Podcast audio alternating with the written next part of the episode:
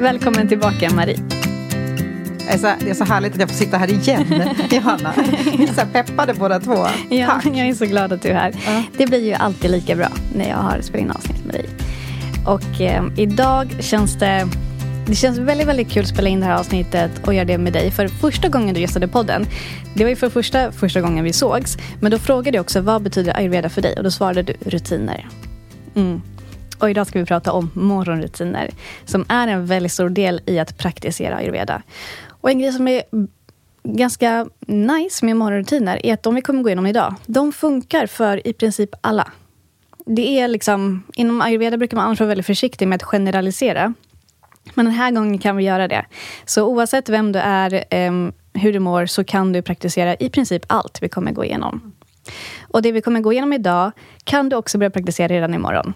Så det kommer vara väldigt hands-on, ehm, väldigt konkret. Eh, du kommer, börjar du praktisera det vi pratar om, kommer du märka skillnad på din hälsa ganska snabbt. Mm. Och sen vill vi också säga att eh, som vanligt, det finns inga måsten. Utan man gör det man känner sig kallad till att göra. Och eh, vi kommer idag måla upp eh, bilden av liksom, den stora ayurvediska morgonrutinen. Där många olika delar ingår.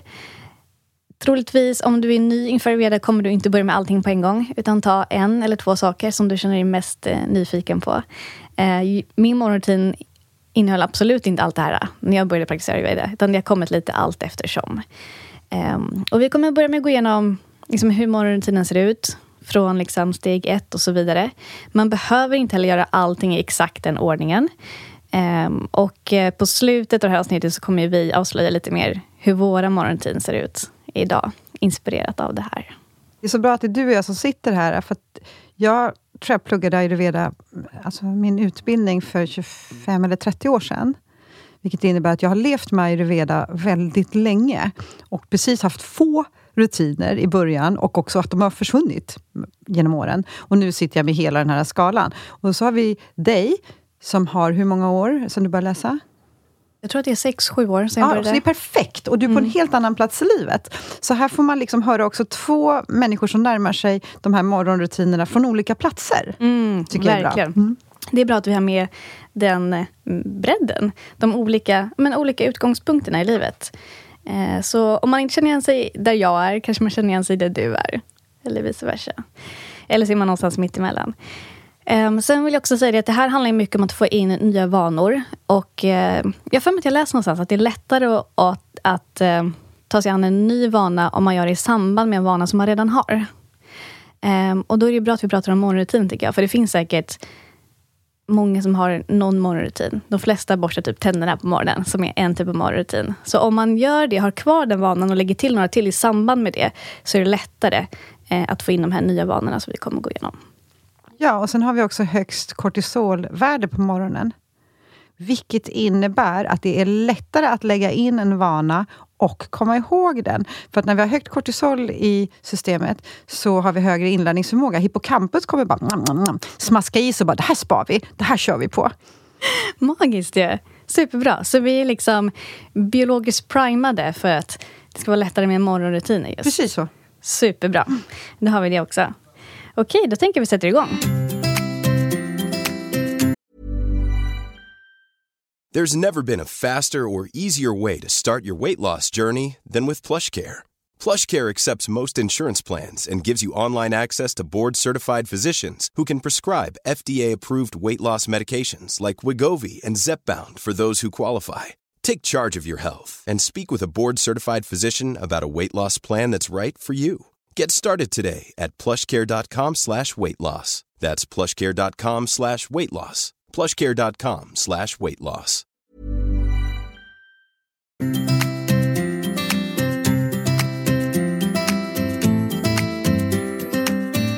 Inom ayurveda så händer en hel del grejer redan i sängen innan man går upp. När man pratar om morgonrutiner. Och det första som händer är ju att du vaknar.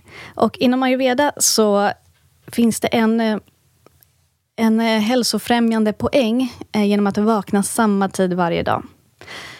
Så inom ayurveda skiljer man inte på vardag och helg när det kommer till just morgonrutiner. Utan gå upp varje dag samma tid, samma tid varje dag. Och Det vill man göra av två anledningar. Dels har vi pratat tidigare avsnitt om att dygnet är indelat i olika doshor, eller olika tider på dygnet domineras av olika doshor. Och vi har ju det mellan 02 på natten och 06 på morgonen. Då har vi mer av vatans energi och den är ju lättare. Det är den lättaste av alla tre energier. Så om man vaknar innan klockan 06, då får man också med sig vatans lätthet när man går upp. Eh, så därför vill man gärna gå upp innan klockan 06. Ehm, för vad som händer efter det är att vi går in mer i kafans energi. Och den är lite tyngre, lite lägre. Så om man unnar sig inom situationstecken en sovmorgon och sover till 7, 8, 9, då kan man känna sig mycket tyngre när man går upp. Och det är för att kafas energi är där och, och påverkar en helt enkelt. Så dels det att man vill gå upp eh, samma tid varje dag och gärna innan 06 för att få med sig vata-energin. Men också för att regelbundenhet generellt håller din vata i balans. Så att så här, gå upp 06 måndag till fredag och sen sovmorgon på helgen, sen 06 måndag till fredag, det är en oregelbundenhet och det kan skapa vata-obalans. Jag har just nu en kaffa-obalans. Mm. Vilket gör att jag ingenting hellre vill ligga och sova på morgonen. Mm. Och jag tillåter mig att göra det, men det ökar verkligen min kaffa. Det gör verkligen det. Och jag älskar ju att få liksom smyga på mig själv och uppleva det här. För jag gillar ju att gå upp tidigt. Jag är en morgonmänniska. Och just nu så vill kroppen bara sova. Jag går också upp lite grann i vikt. Jag vill äta kaffamat. Så här har vi en utmaning. Att just för att ta bort den här kaffabiten nu som jag odlar och njuter lite av, så är det just den där biten. Gå upp, Marie. Mm. Mm. Mm. Jag vet ju det. Ja. så bra att du har den den erfarenheten och dela med dig av. Folk ser det ännu lite mer tydligt. Och visst, ja. Men intressant att du säger att du njuter lite av den här kaffeobalansen. Men det är vad kaffe gör också. Ja. Kaffa njuter ju och är förnöjd och vill inte riktigt utmana det här utan att det är lite skönt att ligga kvar i sängen. Ja, och sen tänker jag också att det är inte alls så konstigt att man kan liksom njuta av en obalans när det är precis i förstadiet. För det är lite det som är grejen. På samma sätt som att man kan, om man känner att man får liksom en energikick och plötsligt har man perioder lite, man har väldigt mycket perioder i livet där man har väldigt mycket energi och man känner att man har liksom kan ha många bollar i luften och det är kul och händer mycket. Att man kan njuta lite av det. Men när det hållit på lite för länge så kan det leda till en vattenobalans. Eller om man i förstadiet känner att man har jäkla flow i sina projekt och det är bara man kör på. Och man, liksom har så, man är så produktiv och effektiv och det händer mycket att man kan njuta av det också. Men går det lite för långt tenderar man ju att köra över sig själv och andra också. Exakt, och ja. då just det med en kaffeobalans också, ta en stund att komma till och när du då liksom har kommit långt in i den, alltså då har det gått en stund också. Mm. Då har du säkert blivit lite deppig och lite tjock och lite stagnerad och allt det där som man inte vill komma till. Så det, det är bra att du tar upp det. Det finns den här eh, app, app, app, app, app. Men då kan du få njuta av din förhöjda kaffe en stund nu då, så får du se om du jag är en doer. Jag kommer, jag kommer direkt, imorgon kommer jag börja gå upp klockan sex, eller innan sex. Bra där. vad bra, vad bra. Och sen då, när du har vaknat, eh, då ligger du kvar i sängen en stund och unnar dig eh, självreflektion. Och det här vet jag att du också, Maria, pratade om i ett tidigare avsnitt, som inom yogan kallas för svajaya, eller hur? Och eh, då har jag gjort en översättning här från en av mina senaste kursböcker som jag hade med mig, eller fick när jag var i Indien. Och den kursboken, ehm, texten därifrån kommer från en bok som heter Charaka Samhita, som är en av de absolut äldsta böckerna skrivna om ayurveda. Den här boken är alltså skriven för mer än 5000 år sedan. Och eh, därifrån eh, så står det att något av det första du ska göra när du vaknar är att innan du lämnar säng, sängen reflektera över dig själv i relation till din hälsa. Och Det första du ska tänka på är om det du åt igår är tillräckligt förbränt. Så redan här berättar alltså ayurveda för oss hur viktigt det är att ha koll på din agni. Att checka in med din agni det allra första du gör när du vaknar. Och känna efter, så här, men hur, hur mår den idag? Liksom? Hur, hur mycket brinner i magen? Och om det är så att det känns tungt i magen, så kan det ju vara för att du åt antingen för mycket eller för sent kvällen innan. Eller mat som, hade, som var svårt för magen att smälta. Om det var så du kombinerade lite mycket olika saker. Så checka in med din Agni, det första du gör mor på morgonen. Och eh, andra saker eh, att reflektera över är också vad är klockan? Vilken dag är det? Vilken årstid är det? Var är jag någonstans? Och vem är jag? Samt hur är min energi och vad kommer jag orka med idag? Så alla de frågorna är väldigt fina reflektionsfrågor. Och det finns en poäng med att ställa just de frågorna till sig själv. Och det är just för att orientera sig i nuet. För att göra det lättare för dig själv, få en mjukare övergång från, ett, från att vara sovande till ett vaket tillstånd. För all typ av förflyttning, eh, när det sker liksom ett skifte, det, då är ju Vata där och styr den typen av förflyttningen eller skiftet. Eh, att gå från sovande till vaken är ju någonting som sker eller det blir en Vata-förhöjning när vi går från det ena tillståndet till det andra. Så därför är det värdefullt att ligga kvar och reflektera en stund för att liksom hålla sin Vata i balans. Och att orientera sig och landa här och nu skapar alltså då balans i din vata, vilket bland annat minskar risken för stress, oro och ångest under dagen. Tänker att en liten detalj är att när man vaknar, att man reflekterar över att nu är jag vaken, och så behåller man ögonen stängda när man gör den där lilla check-inen där. Jag tyckte om den där, den där sista, så vem är jag? Hur mycket energi har jag disponerat idag? Det är så, att börja med självreflektion är ju också att någonstans få kontakt med sin prefrontala cortex.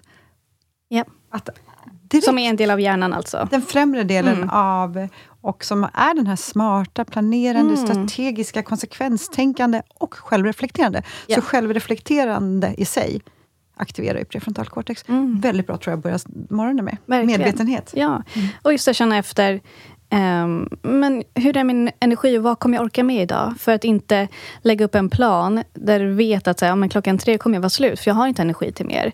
Eller känna att eh, tvärtom, att så här, jag skulle kunna ha gjort så mycket mer idag. Men att verkligen checka in med dig själv. Hur, vad har jag för kapacitet idag helt enkelt? Och när du har ägnat dig en liten stund till själv, självreflektion, då rullar du över på vänster sida. Så du ligger fortfarande ner och gör din reflektion, sen rullar du på vänster sida. Och varför ska vi göra det? Jo, för att magen, själva magsäcken, är ju lite till vänster inne i din vad heter det, torso, typ. Ja, ni vet, magsäcken ligger lite till vänster. Och därför vill vi rulla över på vänster sida. För att återigen göra små justeringar för att främja vår agni. Eh, så du ligger på vänster sida och eh, ja, några sekunder, 30 sekunder, en minut. För att sen därifrån resa dig upp långsamt. Och återigen, du reser dig upp långsamt för att hålla din vata i balans. Och det här pratade en av mina lärare om mycket när jag var i Indien sist. Ehm, för han sa det, att kasta sig upp från sängen direkt när du vaknar, det förhöjer din vata. Och den kommer liksom... Att börja dagen med förhöjd vata gör att det blir lättare att få mer vata och balans under dagen. Så går det också. Men då tänker jag en grej, Johanna. För jag, jag fladdrar ganska härligt upp i sängen. Eh, men jag gillar ju att ha en förhöjd vata. Så det kanske finns en anledning till att jag verkligen hoppar upp i sängen. Jag upplever ju väldigt, väldigt sällan vataobalanser överhuvudtaget, mentalt eller fysiskt. Jag har de andra två. Så att jag gillar ju att höja min vata, så då kanske jag medvetet bara ska köra det där lilla skuttet upp i sängen. Mm. Jag tänker att det är bra att du tar med det, för återigen, svaret är ju det beror på. Eh, så generellt säger man att det är bra att rulla på vänster sida, resa sig upp långsamt för att inte förhöja sin vata. Känner du att du behöver det för att det ger en typ av kick, kanske kan vara bra att gå upp lite, lite hastigare. Eh, men ändå Eh, vata i sig har ju mycket, mycket korrelerat till stress. Så eh, jag vet att du och jag, när vi pratade om det här Marie för några dagar sedan, så sa det att det är inte ovanligt att många vaknar lite av en chock av väckarklockan och lite sätter andan i halsen. Och med det går du upp och sen lever du resten av din dag lite framåtlutad, lite i, ja, men i stress. Så motsatsen till det är ju att ligga kvar en stund, reflektera, ta dig upp långsamt för att hålla din vatten i balans. Eh, men vi lägger till det, att allt beror på. Men vi är fortfarande kvar i sängen. Vi är fortfarande kvar i sängen. Så när du har rest dig upp, eh, då sitter du i sängen.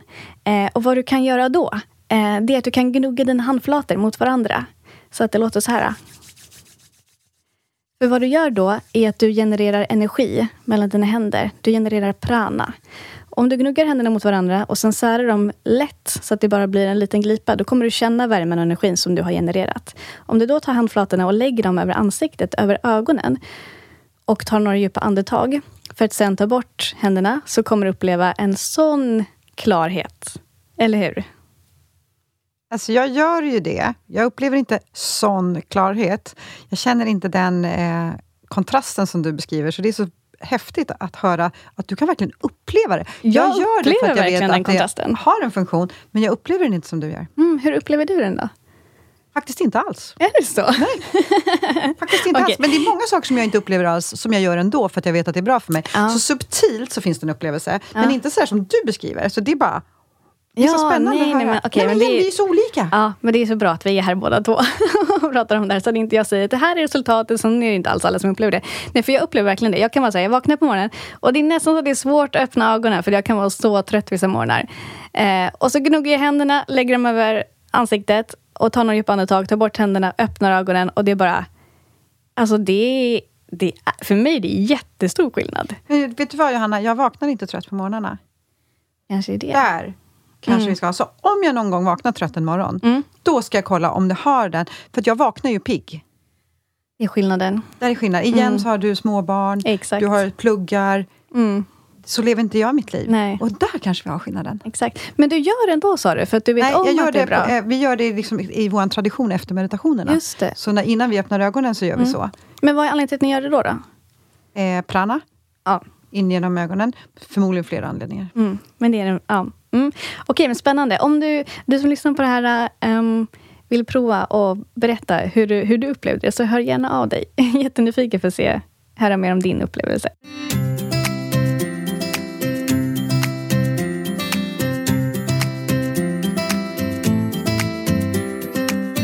Men efter vi har gjort det, då kan vi gå ur sängen. Då är det dags att gå ur sängen. Och det första vi gör då, det är att gå på toa. Vi kissar och om möjligt så tömmer vi tarmen. Och eh, den här vanan av att tömma tarmen, det går ju att träna upp om man inte har den vanan sen innan. Eh, för kroppen är också ganska... Ja, man kan ju vänja sig vid såna här... Eh, ja, kan, kan vänja sig, helt enkelt. Så eh, man går på toa och så sitter man där en stund och till slut så kommer det eh, gå automatiskt. Om det är så att det inte, om man har svårt att tömma tarmen på morgonen så kan det hjälpa om man dricker mer varmt vatten, för det kan få igång tarmrörelserna. Men vi kommer till den delen av morgonrutinen lite senare. Eh, så om man inte får till det direkt på morgonen så kanske någon gång senare under morgonen. Men det är bra att få in det någon gång. Eh, och också om man har en hög flexibilitet och så, så är squatting position att föredra. mm, att sitta en stund på huk. Ja, och det är ingenting som ayurvedan riktigt tar upp, för att i Asien så sitter ju alla i squatting position. Men jag har hört talas om att man kan köpa en stol nu, en liten pall, som gör att man för upp knäna. Stämmer det? Exakt. Så jag skulle faktiskt prata lite om det också. För att det, det finns många hälsofördelar med att placera fötterna på en pall så att knäna kommer upp högre än höfterna. Och gärna så högt upp som möjligt, så det beror på hur vig, vig man är. Men alltså, människan är ju byggd för att sitta på huk. Och innan vi uppfann dass så har vi ju typ alltid suttit på huk när vi är tömtarmen. Och det gör man ju fortfarande i många länder runt om i världen. Alla som har rest till Asien har ju säkert konfronterats av de här toaletterna där man bara ska sitta på huk helt enkelt. Ehm, för så ser det ut i många länder i Asien, men också i många delar av Indien och eh, faktiskt i Afrika. Det har varit runt. Så eh, att inta en mer hukliknande position när vi går på toa, det gör det mycket lättare att tömma tarmen samtidigt som det minskar risken för hemorrojder, förstoppning och tarmcancer. Och enligt Stanford University så är huksittande inte bara en rekommendation för de med tarmcancer, utan det är ett krav. För det som händer då när man sätter sig på huk, eh, det är att både tarmarna och musklerna runt tarmarna hamnar liksom i, en, i en position som gör att det helt enkelt blir mycket lättare för oss att eliminera. Det blir en totaltömning. Mm. Eh, och här har vi också den här aspekten av att man inte använder toalettpapper i en stor del av Asien, eller alls. För det är tarmtömningen är total. Det blir inte kladdigt och du vet, det där som sitter ihop. Och eh, sen har du också trycket Ja. av att du har liksom eh, benen, låren emot eh, magen. Så du har både tryck och så har du en total tarmtömning. Och det tror jag man har kommit fram till just inom cancer, att det är det som gör skillnaden. Mm. Den sista Ja, men alltså verkligen. Och om du inte redan har provat det, så här vill jag också lova att du kommer känna en skillnad. Ehm, för det tror jag att, här kommer nog alla känna skillnad om man inte provat det. Just att sitta med på huk när man ska tömma tarmen. Det går så mycket lättare. En bra idé då kan vara att ta, lyfta upp själva ringen och att sätta fötterna... Om man, nej, du pratar, du pratar säkert om den här pallen, men jag tänker för er riktigt modiga och smidiga, så ta bort ringen och så sätt fötterna på... Alltså... Ja, så att man verkligen sitter och hukar på toaletten. Ja, ja, ja. Så upp med knäna så högt du kan. Och eh, som sagt, om ni tar för vana att tömma tarmen på morgonen så kan du dels träna upp den vanan eller göra det lite senare på morgonen efter du druckit varmt vatten. För det kan hjälpa tarmrörelserna att komma igång. Och därefter då, då skrapar vi tungan. Och varför vi gör det? Det är för att rensa bort gifter, bakterier och döda celler från tungan. Eh, vi tar helt enkelt bort AMA. Eh, det här förhindrar också dålig andedräkt. Det förstärker smaksinnet och främjar den övergripande mun och matsmältningshälsan. Och det stimulerar de inre organen. Om du minns när vi pratade i avsnittet om de sex smakerna så är olika delar av tungan representerar olika inre organ. Så när vi använder tungskrapa så försiktigt stimulerar vi de organen, liksom väcker dem till liv också. Och Det här ökar även medvetenheten om ditt hälsotillstånd om du tar för vana att titta på din tunga. Så innan vi skrapar tungan så sträcker vi ut den i spegeln och så ser vi hur det ser ut. Och det vi vill titta på det, där är om vi har mycket beläggning på tungan till exempel. Eh, för det kan ge en indikation på att eh, det vi ätit senaste dagen kanske inte var det bästa för oss eller att vi stressar mycket eller någonting annat. Eh, tungdiagnostik, det finns ju jättemycket att prata om det också. Men vad brukar du titta på när du vaknar på morgonen? Är, är det någonting särskilt du brukar reflektera över då? Alltså jag tittar ju på den. Mm. För att det talar om för mig vad som pågår i mitt system. Mm. Så att det är igen en kontakt med mig, som jag eftersträvar i typ allting jag gör. Det är en kontakt med min själ, kontakt med mitt inre, en djup kontakt med mig själv. Och tungdiagnostiken ger mig hints liksom, om vad som funkar och inte. Exakt. Så att vi kan ju lägga till att det bästa som finns, det är att sträcka ut tungan och så är den så här rosa och pigg. Jag vet. Wow, Du vet, wow, det wow. finns ju, många brukar prata om, eller många brukar, men det finns ju en sån där, äh, vad säger man, citatsägning att man har en good hair day. Att man har ett, en bra hårdag. Jag brukar titta på tungan och bara, hmm, today is a good tongue day. Då vet man att man är en ayurveda-praktiker. Om man, om man tänker så ibland. och sen nästan så att jag vill skicka en selfie på min tunga till mina ayurveda-kompisar. Ja. Jag kan ha det runt avföringen. När man kollar ner så bara, där satt den. Alltså vilken perfekt. Så vad blir det då? En, det blir en good Eh, shit poo day. day? Ja, poo day. Ja, visst. ja. Ehm, men så till, så till tungskrapan. Så man sträcker ut tungan, tittar på den och så drar man försiktigt med tung, tungskrapan över tungan bakifrån och fram. Man vill inte dra hårt. Eh, och sen så sköljer man den med eh, kallt vatten och så upprepar man 3-5 gånger. Och då är man klar med det. Eh, och då kanske man kan undra vilken typ av tungskrapa ska man ha. Och inom ayurveda brukar man antingen använda den med koppar eller rostfritt stål. Och då är frågan varför. Och just koppar är ju mer känt för att hjälpa till att bekämpa bakterier. Och ayurvediska utövare har använt eh, koppar i årtusenden för att just skrapa tungan. Men en tungskrapa i koppar behöver lite mer omvårdnad än den i rostfritt stål. Eh, till exempel behöver man se till att den i koppar torkas av ordentligt varje gång efter man har använt den. Så en tungskrapa i rostfritt stål är lite mer tålig kan man säga. Och den i rostfritt stål ska också ha en viss antimikrobiell effekt. Eh, så båda alternativen är i alla fall mycket bättre än de som finns i plast. Överlag så vet vi ju alla att det är bra att plastbanta, eh, då plaster kan innehålla ämnen som varken är så nyttiga för oss eller naturen. Så undvik dem i plast och använd en som är gjord i koppar eller rostfritt stål istället. Den här veckan sponsras podden av Bjerka Veda. Och Bjerka Vedas mission är att tillhandahålla ayurvedisk hud och hårvård till hela Sverige. Och produkterna har fler hälsofrämjande egenskaper och har hjälpt många med bland annat torr hy, frissigt hår, akne, rodnader och eksem. Och en av mina personliga favoriter är tvålen Medimix Classic. Och det är en traditionell naturtvål tillverkad i enlighet med de ayurvediska skrifterna. Och tvålen innehåller hela 18 olika örter och den doftar så ljuvligt. För det första tar doften mig tillbaka till massa fina minnen från mina resor i Indien, då den här tvålen är väldigt vanlig där. Och för det andra så behövs inte längre några doftljus i badrummet, som vi alla vet inte alltid är så bra för vår hälsa. För istället fylls badrummet av doften från Medimix-tvålarna. En som ligger framme på handfatet och en i duschen. Och om du upplever att du får torr hy efter att du tvättat händerna eller duschat, då behöver du byta tvål för så ska det inte vara. Och jag kan varmt rekommendera Medimix som ger en naturlig och skön återfuktning efter varje tvätt. Sen vill jag också tipsa er om Caddy Natural Herbal Face Pack som är en ansiktsmask som kommer i en burk som enbart ett pulver. Sen får du själv blanda ut det med vatten för att göra till en härlig mask som du kan använda i ansiktet. Och varför jag gillar det här är för att pulvret inte behöver några tillsatser för det ska få en särskild konsistens och heller inga konserveringsmedel som annars är väldigt vanligt i andra ansiktsmasker. Efter jag använt Caddy Natural Herbal Face Pack kan jag både se och känna en skillnad på min hy. Och jag använder den som innehåller NIM. Och NIM är en väldigt vanlig ingrediens i ayurvediska produkter men är väldigt ovanlig i västerländska. Och NIM det är alltså en eh, växt som har en antiseptisk och antibakteriell egenskap som rengör huden på djupet samtidigt som man får naturlig lyster. Och jag har använt många av Bjärkavedas produkter den senaste tiden och verkligen upplevt att min hy har fått en helt annan lyster och en annan struktur som jag bara älskar. Och därför känns det så fint att få dela det här med er lyssnare. Och hos Bjärkaveda hittar du mina favorittvålar från Medimix, flera produkter från Caddy Natural och ayurvediska örttandkrämer med mycket mer. Och det bästa av allt, det är att med koden Johanna så får du 15% rabatt på hela ditt första köp. Och produkterna de hittar du på bjerkaveda.se, alltså B-I-E-R-K-A Veda.se. Sen kommer vi till tandborstningen. Och använd gärna en ayurvedisk tandkräm som innehåller många välgörande örter. För en bra tandkräm innehåller ingredienser som har mer av smakerna starkt, bittert och kärvt.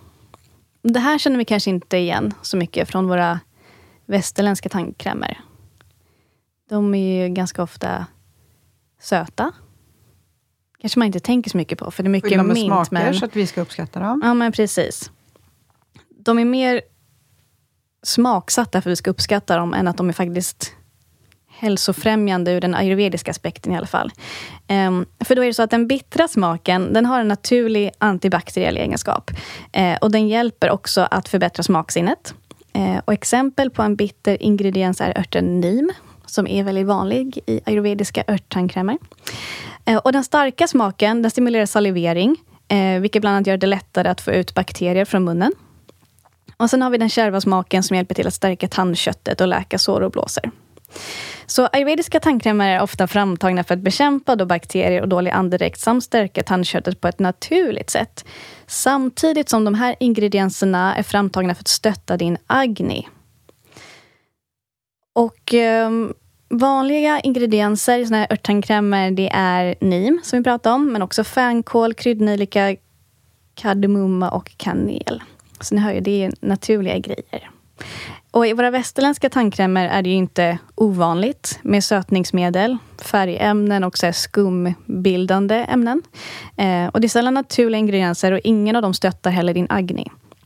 Vilket är då en, en stor grej med ayurvediska tandkrämer. Så mitt tips är att byta till en ayurvedisk. Eh, om du inte provat det tidigare så kan du inte förvänta dig att den kommer skumma lika mycket som de du har använt. För de min upplevelse är att de skummar väldigt lite, nästan ingenting alls. Men det finns, de ska alltså inte göra det. Um, så spännande att höra om du kommer prova det för första gången. Se vad din upplevelse blir av det. Därefter så sköljer vi ansiktet med kallt vatten. Och varför vill vi göra det? Min, min upplevelse är... Jag sköljer ju också med öppna ögon och trycker in kylan i ögonen. Där får jag den effekten som du beskrev. När jag gnuggar händerna med ja. prana? Mm. Nej, men alltså, min hjärna krullar sig. Hela jag kommer igång. Jag eh, vill gärna ha någonting på fötterna när jag gör det här. För att om jag, annars blir jag, jag blir alltså kall, fast på ett eh, praniskt, eh, pigg, tillpiggnande sätt. Och jag älskar den morgonrutinen. Det är en av mina favoriter, så den kan jag längta fram. Jag vet inte om jag svarade på frågan, men jag svarade på min, upp, min upplevelse som, som jag har när jag gör det. Mm. Men du kan säkert där, du vet. Nej, men Why alltså, do we do this? Exakt, så varför vi gör det är för att det ger en eh, faktiskt både en lugnande och eh, uppfriskande effekt. Så det är för att liksom skapa den här alertness, att man känner sig ja, men pigg. Gud, ja. Ja. ja. Um, så det ger, en, det ger en känsla både friskhet till kropp och själ, säger man. Jag vill också lägga till att man blir snygg. Mm. Ja. För den här, allting drar ihop sig av kyla. Ja, det står faktiskt att det dessutom har en, för, en föryngrande effekt. Ja. Så att, eh, skölja ansiktet med kallt vatten är också en bra grej att lägga till på morgonrutinen. Mm. Så än så länge så tror jag att alla är med. Än så länge är det inga jättekonstigheter, ingenting nytt direkt. Men nu kommer vi in på det som är lite mer ayurvediskt kan man säga.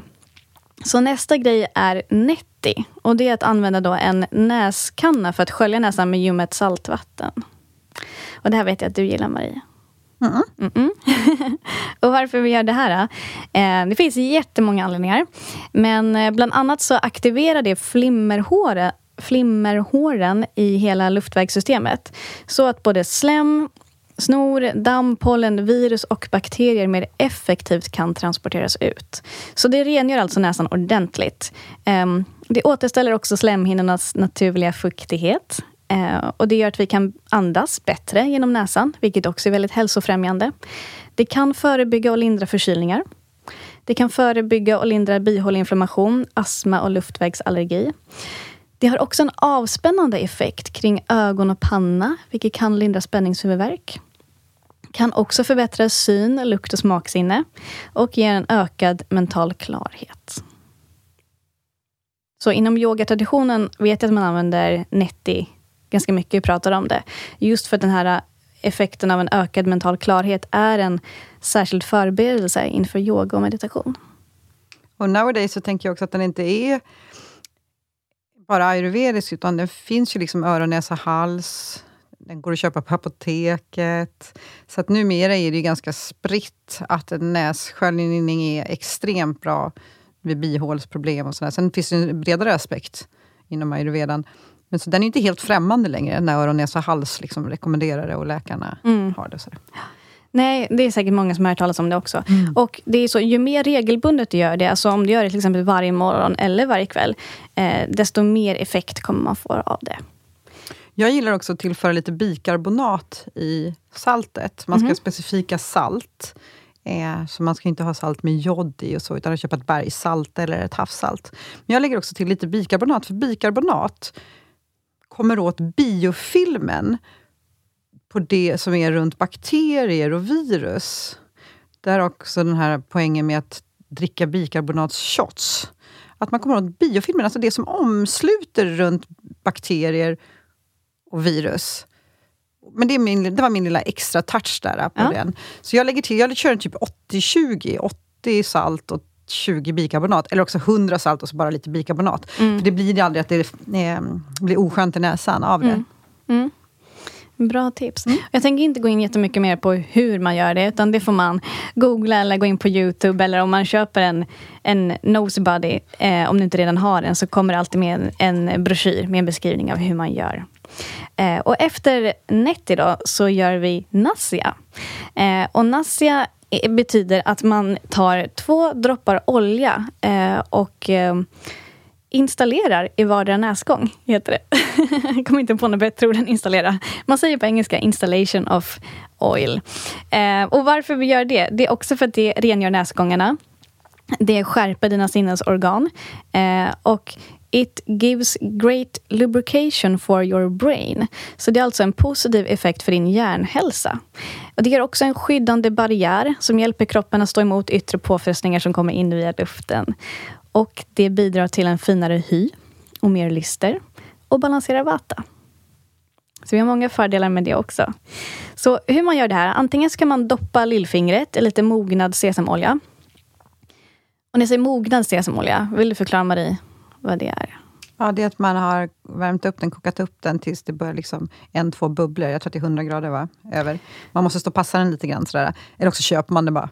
Exakt. Antingen eh, går du till en ayurvedisk butik, eller ja. finns säkert på andra hälsokostbutiker också, finns det färdig mognad. Men det betyder alltså att sesamoljan är någorlunda uppvärmd. Den ska inte koka, men den ska... En droppe har jag lärt. Ja, men så kan en, det vara. En, en, bubbla. En bubbla. Precis, mm. så det ska ju absolut inte stormkoka, men det ska, liksom, den ska vara uppvärmd. För det som händer då är att den mycket lättare, huden och kroppen har mycket lättare att absorbera den oljan. Eh, och liksom ta åt sig av näringen och, och, alla nyttigheter som finns i sesamoljan. Så det är mognad sesamolja. Eh, så det, man kan droppa fingret i det eh, och försiktigt föra in lillfingret i en näsgång i taget och liksom massera insidan lite. Alternativt så köper man en olja specifikt för nassia, eh, som dessutom då brukar vara behandlad med olika örter som är särskilt bra eh, för det. 28 stycken. 28 örter, visst. Eh, och då brukar man också få med en typ av pipett som gör det lättare liksom, att eh, få upp några droppar olja och så lutar man bak huvudet och droppar två olja. Installera två, dem. Eh, installera, exakt, installera två droppar olja i vardera näsgång. Eh, och efter det så lutar man huvudet lite bakåt och liksom masserar näsan eh, ut mot kinderna, ut över bihålorna. Precis. Uh, Marie illustrerade här hur man gör. det jag svarade på. Jag provade, för jag gör inte så. Jag gör ju så här. Ja. Att jag drar upp det. kan man väl också så göra. Det där, jag behövde göra det där. Jag, ja. Titta, nu fick jag lära mig nya grejer igen. Visst. Men det var för, när jag har varit på ayurvediska behandlingar så har de alltid gjort det. De tar liksom och masserar över näsryggen och ut över bihålorna. Jag tycker det är rätt skönt. Ligger inte du ner då? Um, jo, men varför inte göra det när man står upp ja, också? Ja, ja. ja. Jag bara tänker ja. rent så här, alltså, olika saker står, hur man får upp saker, ligger ner, hur du får runt saker. Men eh, jag älskar Nassia. Jag tycker det är så skönt. Och när jag använder det, jag behöver inte snyta mig på resten av dagen. Det är verkligen... Jag upplever att effekten av Nassia håller i sig hela dagen. Så nu då, när du är lite förkyld, är du va? Mm. Hur upplever du, för då blir det intressant. Hur upplever du effekten av näsoljan då? Eh, alltså nu är jag lite förkyld, så jag gjorde Netti igår kväll. Eh, och så hade jag Nassia i morse. Jag har inte behövt snyta mig eh, någonting. Så samma effekt? Ja, mm. visst. Sen om jag är jätteförkyld, då använder jag mer Netti än Nassia. Mm. För det tycker jag hjälper. Mm. Och ehm, Yes, och efter det, eh, då kommer vi in på oil pulling. Eh, och det handlar om att man ska skölja munnen med olja. Och det här kan också låta lite tokigt om man inte har gjort det förut. Eh, så frågan är varför ska man göra det här? Jo, för att det förhindrar karies, det lindrar dålig andedräkt och stärker både tänder och tandkött. Och då är det så att i munnen har vi många bakterier och många av dem är väldigt bra för oss. Medan många andra kan orsaka problem. Så när man gör oil pulling, som det då heter, så attraheras dåliga bakterier av oljans struktur. De liksom dras från munvävnaden genom att fästa vid oljans eh, fettmolekyler. Så när vi sen spottar ut den här oljan så gör vi oss alltså av med bakterier som vi inte behöver ha i munnen. Och oil pulling det är en beprövad metod för att förbättra munhygienen. Så det är en metod som används år, över årtusenden inom ayurveda. Men idag är det även västerländska läkare, forskare och tandläkare som stödjer den här äh, rutinen. Så hur man gör det, det är alltså att det är säkert många av er som har använt munskölj. Så tänk dig att du ska göra samma procedur som i munskölj, bara att du byter ut munsköljet till olja. Så ähm, antingen använder man sesamolja eller kokosolja och så tar man typ en matsked och sen ska du liksom swisha runt det här i munnen i 5 till 20 minuter. Och också pressar emellan tänderna. Alltså använd tungan och Ja, och mycket liksom, både ut i kinderna och mycket liksom runt framtänder. Um, mm. en, liten, en liten idé där kan vara att ta lite mindre än en matsked, för att en del har mycket slem i munnen som frigörs när man gör oilpullingen. Så till slut så har man så mycket i munnen så att man inte kan fortsätta. Mm. Så man kan börja med lite mindre mängd mm. för att se hur länge man kan köra runt den. Jag som då vill köra i 20 minuter, till slut mm. så är min mun fullproppad med mm. slemmet som, som saliven. Så du tar lite mindre än en matsked? Ja, för ja. annars blandas saliven för, och till slut, då kan jag inte hålla på så länge. Just det. Just det. Ja, men jag brukar ta en matsked, men däromkring. Um, och man ska göra det tills oljan får en lite tunnare konsistens. Man liksom känner, och det får den väl kanske för att man har blandat ut det med så mycket saliv till slut. Eh, och om man gör det med sesamolja så blir oljan också lite vitare efter ett tag. Mm. Eh, och då vet man att man har gjort det tillräckligt länge för att det ska ge en riktig effekt. För ju längre du gör det, desto bättre. Men man brukar säga upp till 20 minuter. Du behöver liksom inte göra det 45 minuter. Eh, men gärna minst 5 minuter. Och det är just för att eh, oljan ska få en chans att dra till sig så mycket toxiner som möjligt. Ja, och det jag skulle säga också, det här behöver du inte, du behöver inte stå framför spegeln och göra det. Utan det här gör du ju samtidigt som du går runt och fixar annat. Jag vet, du har ju sagt att du är ute och går på din promenad och gör det samtidigt. Ja. Och jag själv går runt hemma och gör det samtidigt som jag fixar frukost till min lilla tjej eller byter kläder på henne eller vad som helst. Så att eh, det går, ganska lätt att få till det faktiskt. Jag hade en, eh, en deltagare på min retreat och på mina retreater så brukar jag lägga till ayurvediska morgonrutiner, så att vi gör dem tillsammans. Och då började hon, hon var också en pitta-person, så det var första gången som hon gjorde oil pulling. Men som pitta-person hon var, så gjorde hon ju det varje dag. sen.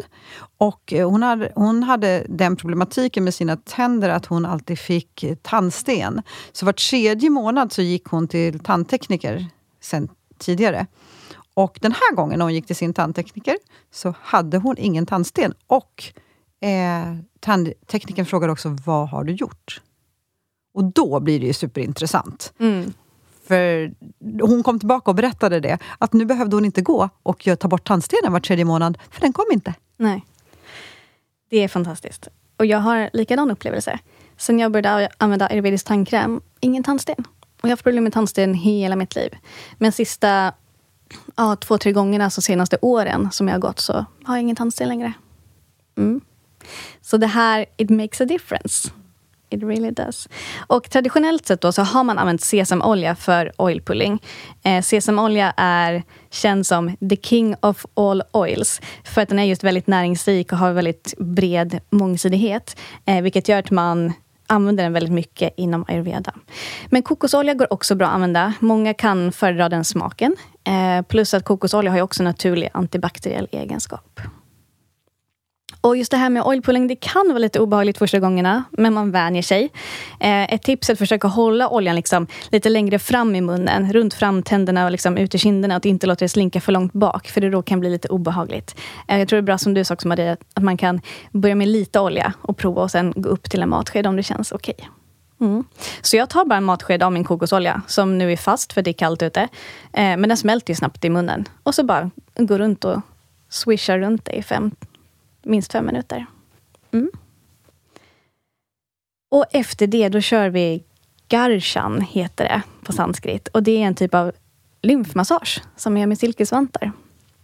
Och Garshan, eh, det är ett sanskritord då, som vanligtvis är mer känd som torrborstning, brukar vi säga här. Och den ayurvediska praktiken involverar då en stimulerande lymfmassage eh, som man gör för att avgifta lymfsystemet och fräscha upp huden och också återuppliva sinnena. Och det har blivit ganska poppis att utföra den här massagen med en typ av torrborste. Men det kan många gånger vara lite för hårt för de som har känslig hy. Så inom ayurveda använder man traditionellt silkesvantar, vilket har samma effekt som torrborstningen, men är snällare mot huden. Och varför man vill göra det här, det är dels för att optimera lymfsystemet, rensa bort ama, hjälpa till att vitalisera kroppen och ge mer energi. Eh, men det främjar också mental klarhet, eh, exfolierar huden, eh, bekämpar celluliter och förbättrar kroppens cellförnyelse samt att det är kaffa-balanserande. Så har man förhöjd kaffa eller för mycket kaffa så är det väldigt fint att göra den här typen av lymfmassagen. Det här passar också särskilt bra om man då har en kaffeobalans eller under en kaffeårstid, som våren till exempel. Eh, och om man har mycket vata eller om det är vinter, som det är just nu när vi spelar in det här, eh, kan man ta det lite försiktigt. Efter vår lymfmassage är det dags för abhyanga, som är den här oljemassagen med varm, mognad sesamolja. Och det gör vi för att det lugnar nervsystemet, det minskar stress, det förbättrar sömnkvaliteten. Även om vi gör det på morgonen så kommer vi sova bättre. Eh, det är också värmande och det är återfuktande. Det är naturlig näring till huden. Och det är liksom en skyddande barriär och är då vatabalanserande. Och eh, hur vi gör det här, det kommer vi också gå in på ett senare avsnitt, för det finns en hel eh, men det finns en specifik ritual kring det också, lite steg för steg hur man ska göra. Så jag lämnar med att säga att Abhyanga är en del av morgonrutinen också. Och därefter så ska man inte ta en dusch. Utan därefter så vill man klä på sig, och då gärna oömma kläder, gärna långärmad och långbyxor. Um, för nu är det dags att dricka varmt vatten, om du inte redan har gjort det. Så drick ett stort glas varmt vatten för att liksom börja med att skölja, bara skölja rent tarmar och insidan helt enkelt, innan man äter någonting. Och um,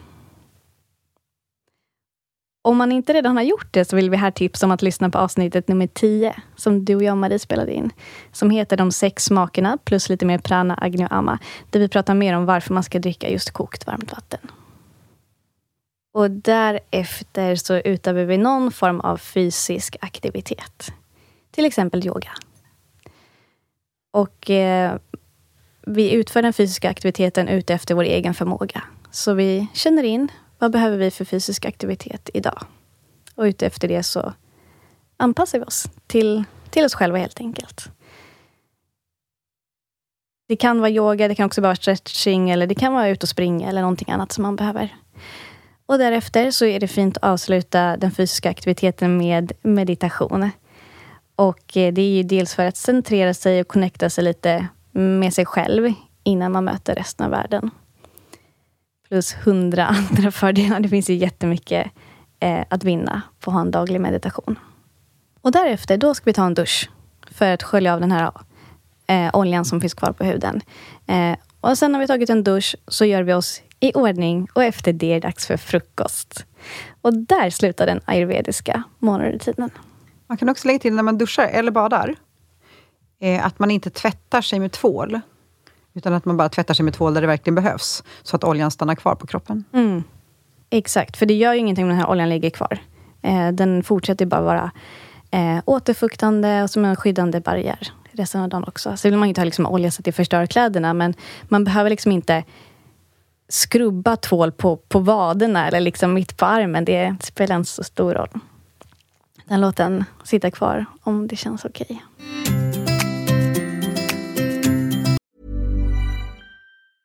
Life is full of awesome what ifs and some not so much, like unexpected medical costs. That's why United Healthcare provides Health Protector Guard fixed indemnity insurance plans to supplement your primary plan and help manage out of pocket costs. Learn more at uh1.com.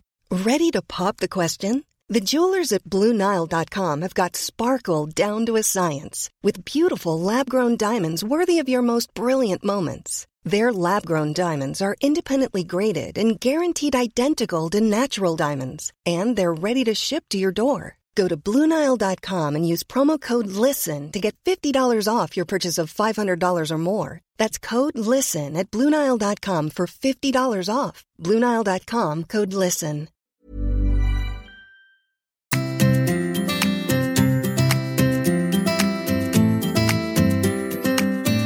Mm. Okej, och i alla de här rutinerna så har jag funnit eh, två röda trådar som går igenom. Eh, och den första det är att många av de här rutinerna är ju olika rutiner som på olika sätt hjälper oss att bli av med ama. Och det är dels tungskrapan, eh, tandborstning, netti som är nässköljningen, oil pulling och lymfmassage. Allt det hjälper oss att rensa bort ama. Och sen har vi andra rutiner som stärker vår agni. Och det är dels tarmtömning, men också tungskrapan och tandborstning om du då använder en ayurvedisk tandkräm som innehåller de här eh, stark, bittert och kärvt. Eh, att dricka varmt vatten, både lymfmassage och abhyanga stimulerar vår agni, samt yoga. Um, och egentligen tror jag att kanske alla de här ayurvediska rutinerna var för sig är framtagna för att både rensa bort am och stärka agni. Men det jag vill att ni ska ta med er är i alla fall att det är det som är grunden i alla de här morgonrutinerna. Det är det som är syftet till varför vi gör det. Och jag tror att det finns, eller det finns ju tre värdefulla aspekter att ta hänsyn till om du vill leva ett friskare liv med mer energi. Och det är ett, att rensa din kropp från ama. Och två, främja din agni. Och tre, hålla dina doshor i balans. Och den som gör det kommer leva ett mycket friskare liv med mycket mer energi. Vad tänker du på när jag säger allt det här? För nu har jag pratat länge. Jag tänker på att ett dygn är 24 timmar. Och åtta 7 till 9 timmar så fyller vi kanske med sömn. Vad gör vi alla andra timmar? Hur mycket tid och aktivitet ägnar vi åt oss själva och självkärlek? För jag kan liksom inte komma på någonting som är viktigare än det. Att ta hand om min fysik, ta hand om mitt mentala tillstånd och mitt spirituella tillstånd. Och ju flera vanor vi har som riktar uppmärksamheten inåt, och till oss själva, ju mera hälsa skapar vi. Så att jag tycker att dygnet ska vara fullt av medvetenhet, där vi har vanor som gör att vi tar hand om oss själva. För mig är det mitt jobb, den här existensen, att se till att eh, mind, body, soul är i så bra tillstånd och så mm, balanserat som möjligt, så att jag kan dela med mig till andra av det. Och därav allt det här som låter väldigt så här, oj, hur ska vi hinna göra allt det här? Men jag tänker, vad kan vara viktigare än det? Att ta hand om hur jag mår. Så om man inte låg, lägger någon prestation eller stress i någonting, utan bara för in liksom vackra handlingar. De behöver inte vara så praktiska som vi just nu har beskrivit, utan det kan vara tankevärden. Men att kolla hur man fyller sin dygn. Vad man har för aktiviteter där som man tycker är viktigast. Det här tycker jag är viktigast. Så det här fyller jag mitt dygn med. Mm. Så så tänker jag runt det. Mm, fint. Och sen också kan jag dela med mig av Eh, jag vet inte varför jag kommer att tänka på det, men när jag började praktisera ayurveda, så det här var jag eh, långt ifrån min morgonrutin. Det är, alltså jag får inte med allt det här idag heller. Eh, men det jag började med var att skrapa tungan och borsta tänderna innan jag åt frukost, för det var nytt för mig. Och sen dricka varmt vatten. Och det var det jag började med. Och redan där då började jag känna skillnad i min hälsa. Och sen har liksom, vissa saker har kommit allt eftersom. Um, och jag tror att, alltså verkligen, du, det, jo, det, det du sa som jag gjorde att jag kom att tänka på det här var just det att eh, ta bort stressen ur allt det här. Alltså att alltså fråga dig själv också med vilken intention genomförde du dina morgonrutiner? Liksom ett stressigt, om du har ett stressigt måste kring rutinerna, hoppa över det. Det är bättre. Se det snarare som små handlingar av självkärlek. Och här finns liksom ett smörgåsbord av massa olika morgonrutiner där alla var för sig främjar din hälsa. Och liksom, vilken känner du dig mest lockad till? Vilken handling känner du att så här, det här behöver jag för att unna mig själv lite mer självkärlek den här morgonen. Och om det är så att du en morgon känner att det jag kan göra för mig själv, för min hälsa idag, det är att ligga kvar i sängen en kvart till. Och liksom hoppa över alla andra stegen. Då kanske det är det du behöver just den morgonen. Och då får det vara din handling av självkärlek. Så jag tror att den är väldigt fin aspekt och värdefull att ha med sig också. Så fort vi kontraherar, det vill säga stressar upp oss i sinnet så att musklerna, kroppen också drar ihop sig, så är vi kontraproduktiva till det som vi pratar om här. Ja, verkligen. verkligen. Så jag kan tänka mig just med morgonvanorna till exempel, om jag har lite begränsad tid, då skippar jag i den vanan som tar längst tid. I det här fallet då så är det abhyanga-massagen. Mm. Men Ganshan-massagen kan jag göra i fyra minuter bara för att få igång lymfan. Och det är ingen tid. Men sen har jag också gjort de här grejerna, så de sitter ju så enkelt i mig. Mm. Det tar ingen tid. Mm. Längre. Nej, men då tar jag bort det som tar längst tid och det är oljemassagen. För exakt. den ska värmas och det ska smörjas. Exakt, så det, ja. så att det är men jag, jag, gör inte saker från ett stressat perspektiv, utan då är det så här, nej, då släpper jag det då. Ja. Så att jag får lite lugnare tempo. Ja, liksom. visst, mm. visst. Eller lugnare sinne är det för mig, som ja. är pitta. Mm. Ja, visst, mm. visst. En, jag kan dela med mig av en, eh, hur det oftast ser ut för mig, en morgonrutin, en vanlig vardag. Um, och det är att jag vaknar på morgonen och unnar mig en viss självreflektion, för att orientera mig här nu. Och sen rullar jag ofta över på vänster sida Eh, och reser mig upp långsamt. För det har verkligen fastnat i mig sen jag hade den, den lektionen i Indien. Eh, också för att ta hand om min vata. Eh, jag skrapar tungan och borstar tänderna. Eh, och sen dricker jag varmt vatten. Och så går jag på toa, tvättar ansiktet. Jag gör nasya eh, och oil pulling. Så, och allt det tar ungefär 15 minuter. 15, ibland 20 minuter. Eh, och, och det här gör jag liksom jag har fått in det i min vardag så att jag gör det, jag varvar det lite med blöjbyten och fixar frukost till min lilla tjej och hon ska ha nya kläder. Eh, men det funkar, så man får ju liksom göra det. Eh, men få ihop det i sin e sitt eget liv helt enkelt. Jag vet, du har en helt annan livssituation än vad jag har nu. Eh, min tjej är ju lite mer än ett och behöver min uppmärksamhet hela tiden. Din tjej är på Bali just nu. Ja, så du har lite mer tid för dig själv på morgonen. Ja, mina morgonrutiner tar mellan, om vi tar bort träningen, mellan en timme och två timmar vill jag ha till dem, för att de ska vara i lugn och ro. Men mm. då har jag ju också asanas, meditationen, mantrarna, och pranayam och gurumantra. Och sen har jag också spirituell dagbok varje morgon, så att jag sätter mig med och mm. själv reflekterar. Så att jag har lagt till de yogiska aspekterna också. Så att det här är vad jag behöver. Men det är verkligen så att ska jag iväg på morgonen, då går jag nog gärna upp en halvtimme, timme tidigare så att jag får med. Det vissa, rör, vissa saker i min morgon. Eh, dina shaira, heter det så? Mm. Dina shaira, dina dagliga shaira. rutiner. Exakt. Eh, det är det vi pratar om idag, dina ja, shaira, som dina betyder shaira. dagliga rutiner. Är inte borttagsbara. För att de ligger i min sadana. Det, är, det här är jag committat till att göra resten av mitt liv. Och då gör jag det. Mm. Som meditation och pranayam till exempel. Eh, men annars gör jag alla de här morgonrutinerna. Mm. Lite mer tricky när jag reser, vilket jag gör en del. Mm. Att få till, hur ska jag värma oljan? Eh, orkar inte alltid ta med mig nosebuddyn, så då får den här lilla Indienkannan åka med. Det är inte riktigt lika tillfredsställande. Nej. Så att, eh, då kan 30-40 30 procent reduceras av morgonvanorna. Ofta att massagebiten ryker. Mm. Men annars. Jag har ett litet ayurvediskt kit som följer med. Vad härligt. Mm. Men du sa ju det som sagt första gången vi träffades när jag frågade vad är Ayurveda för dig? Och du sa rutiner. Och det är en så stor del av att praktisera det här. Eh, men återigen att göra det utifrån sina egna förutsättningar. Hur det ser ut för en just nu. Och sen tänker jag också egen kunskap. För att när man börjar göra någonting som har rewards, belöningar, då fortsätter gärna systemet av sig självt att göra det. Det är ungefär som när man börjar träna. Till slut så är det så nice så att man vill inte inte göra det. Och det. alla vanor som man hittar som man verkligen, verkligen gillar, de behåller man. Mm. Jag har en kvinna som jag coachar nu som jag ville lägga till kallduscharna på. Och det har inte gått. Hon vill inte.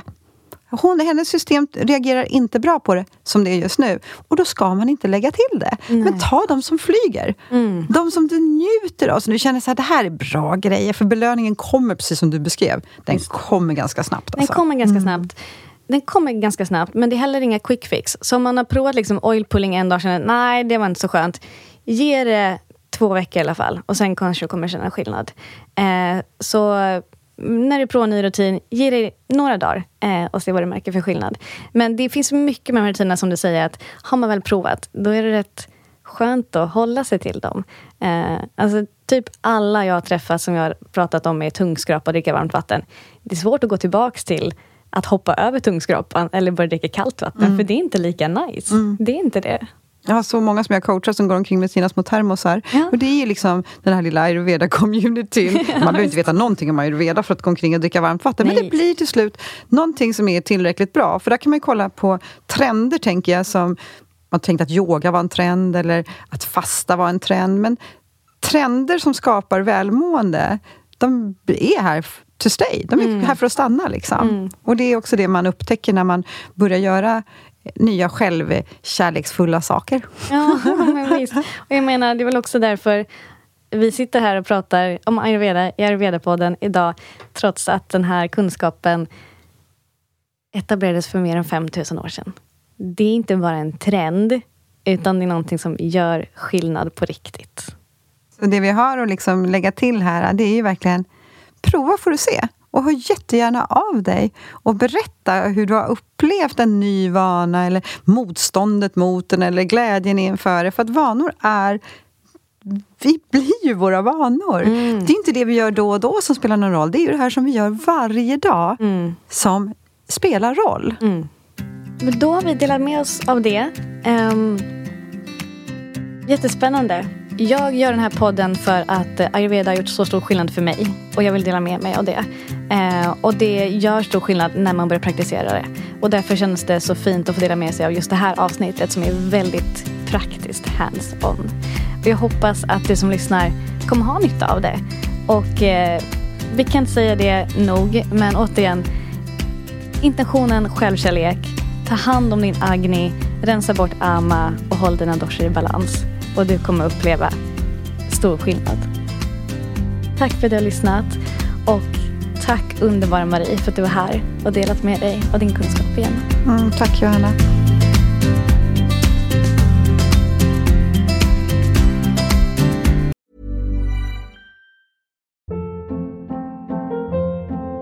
Hold up. What was that? Boring. No flavor. That was as bad as those leftovers you ate all week. Kiki Palmer here, and it's time to say hello to something fresh and guilt-free. Hello Fresh. Jazz up dinner with pecan-crusted chicken or garlic butter shrimp scampi. Now that's music to my mouth. Hello Fresh. Let's get this dinner party started. Discover all the delicious possibilities at hellofresh.com.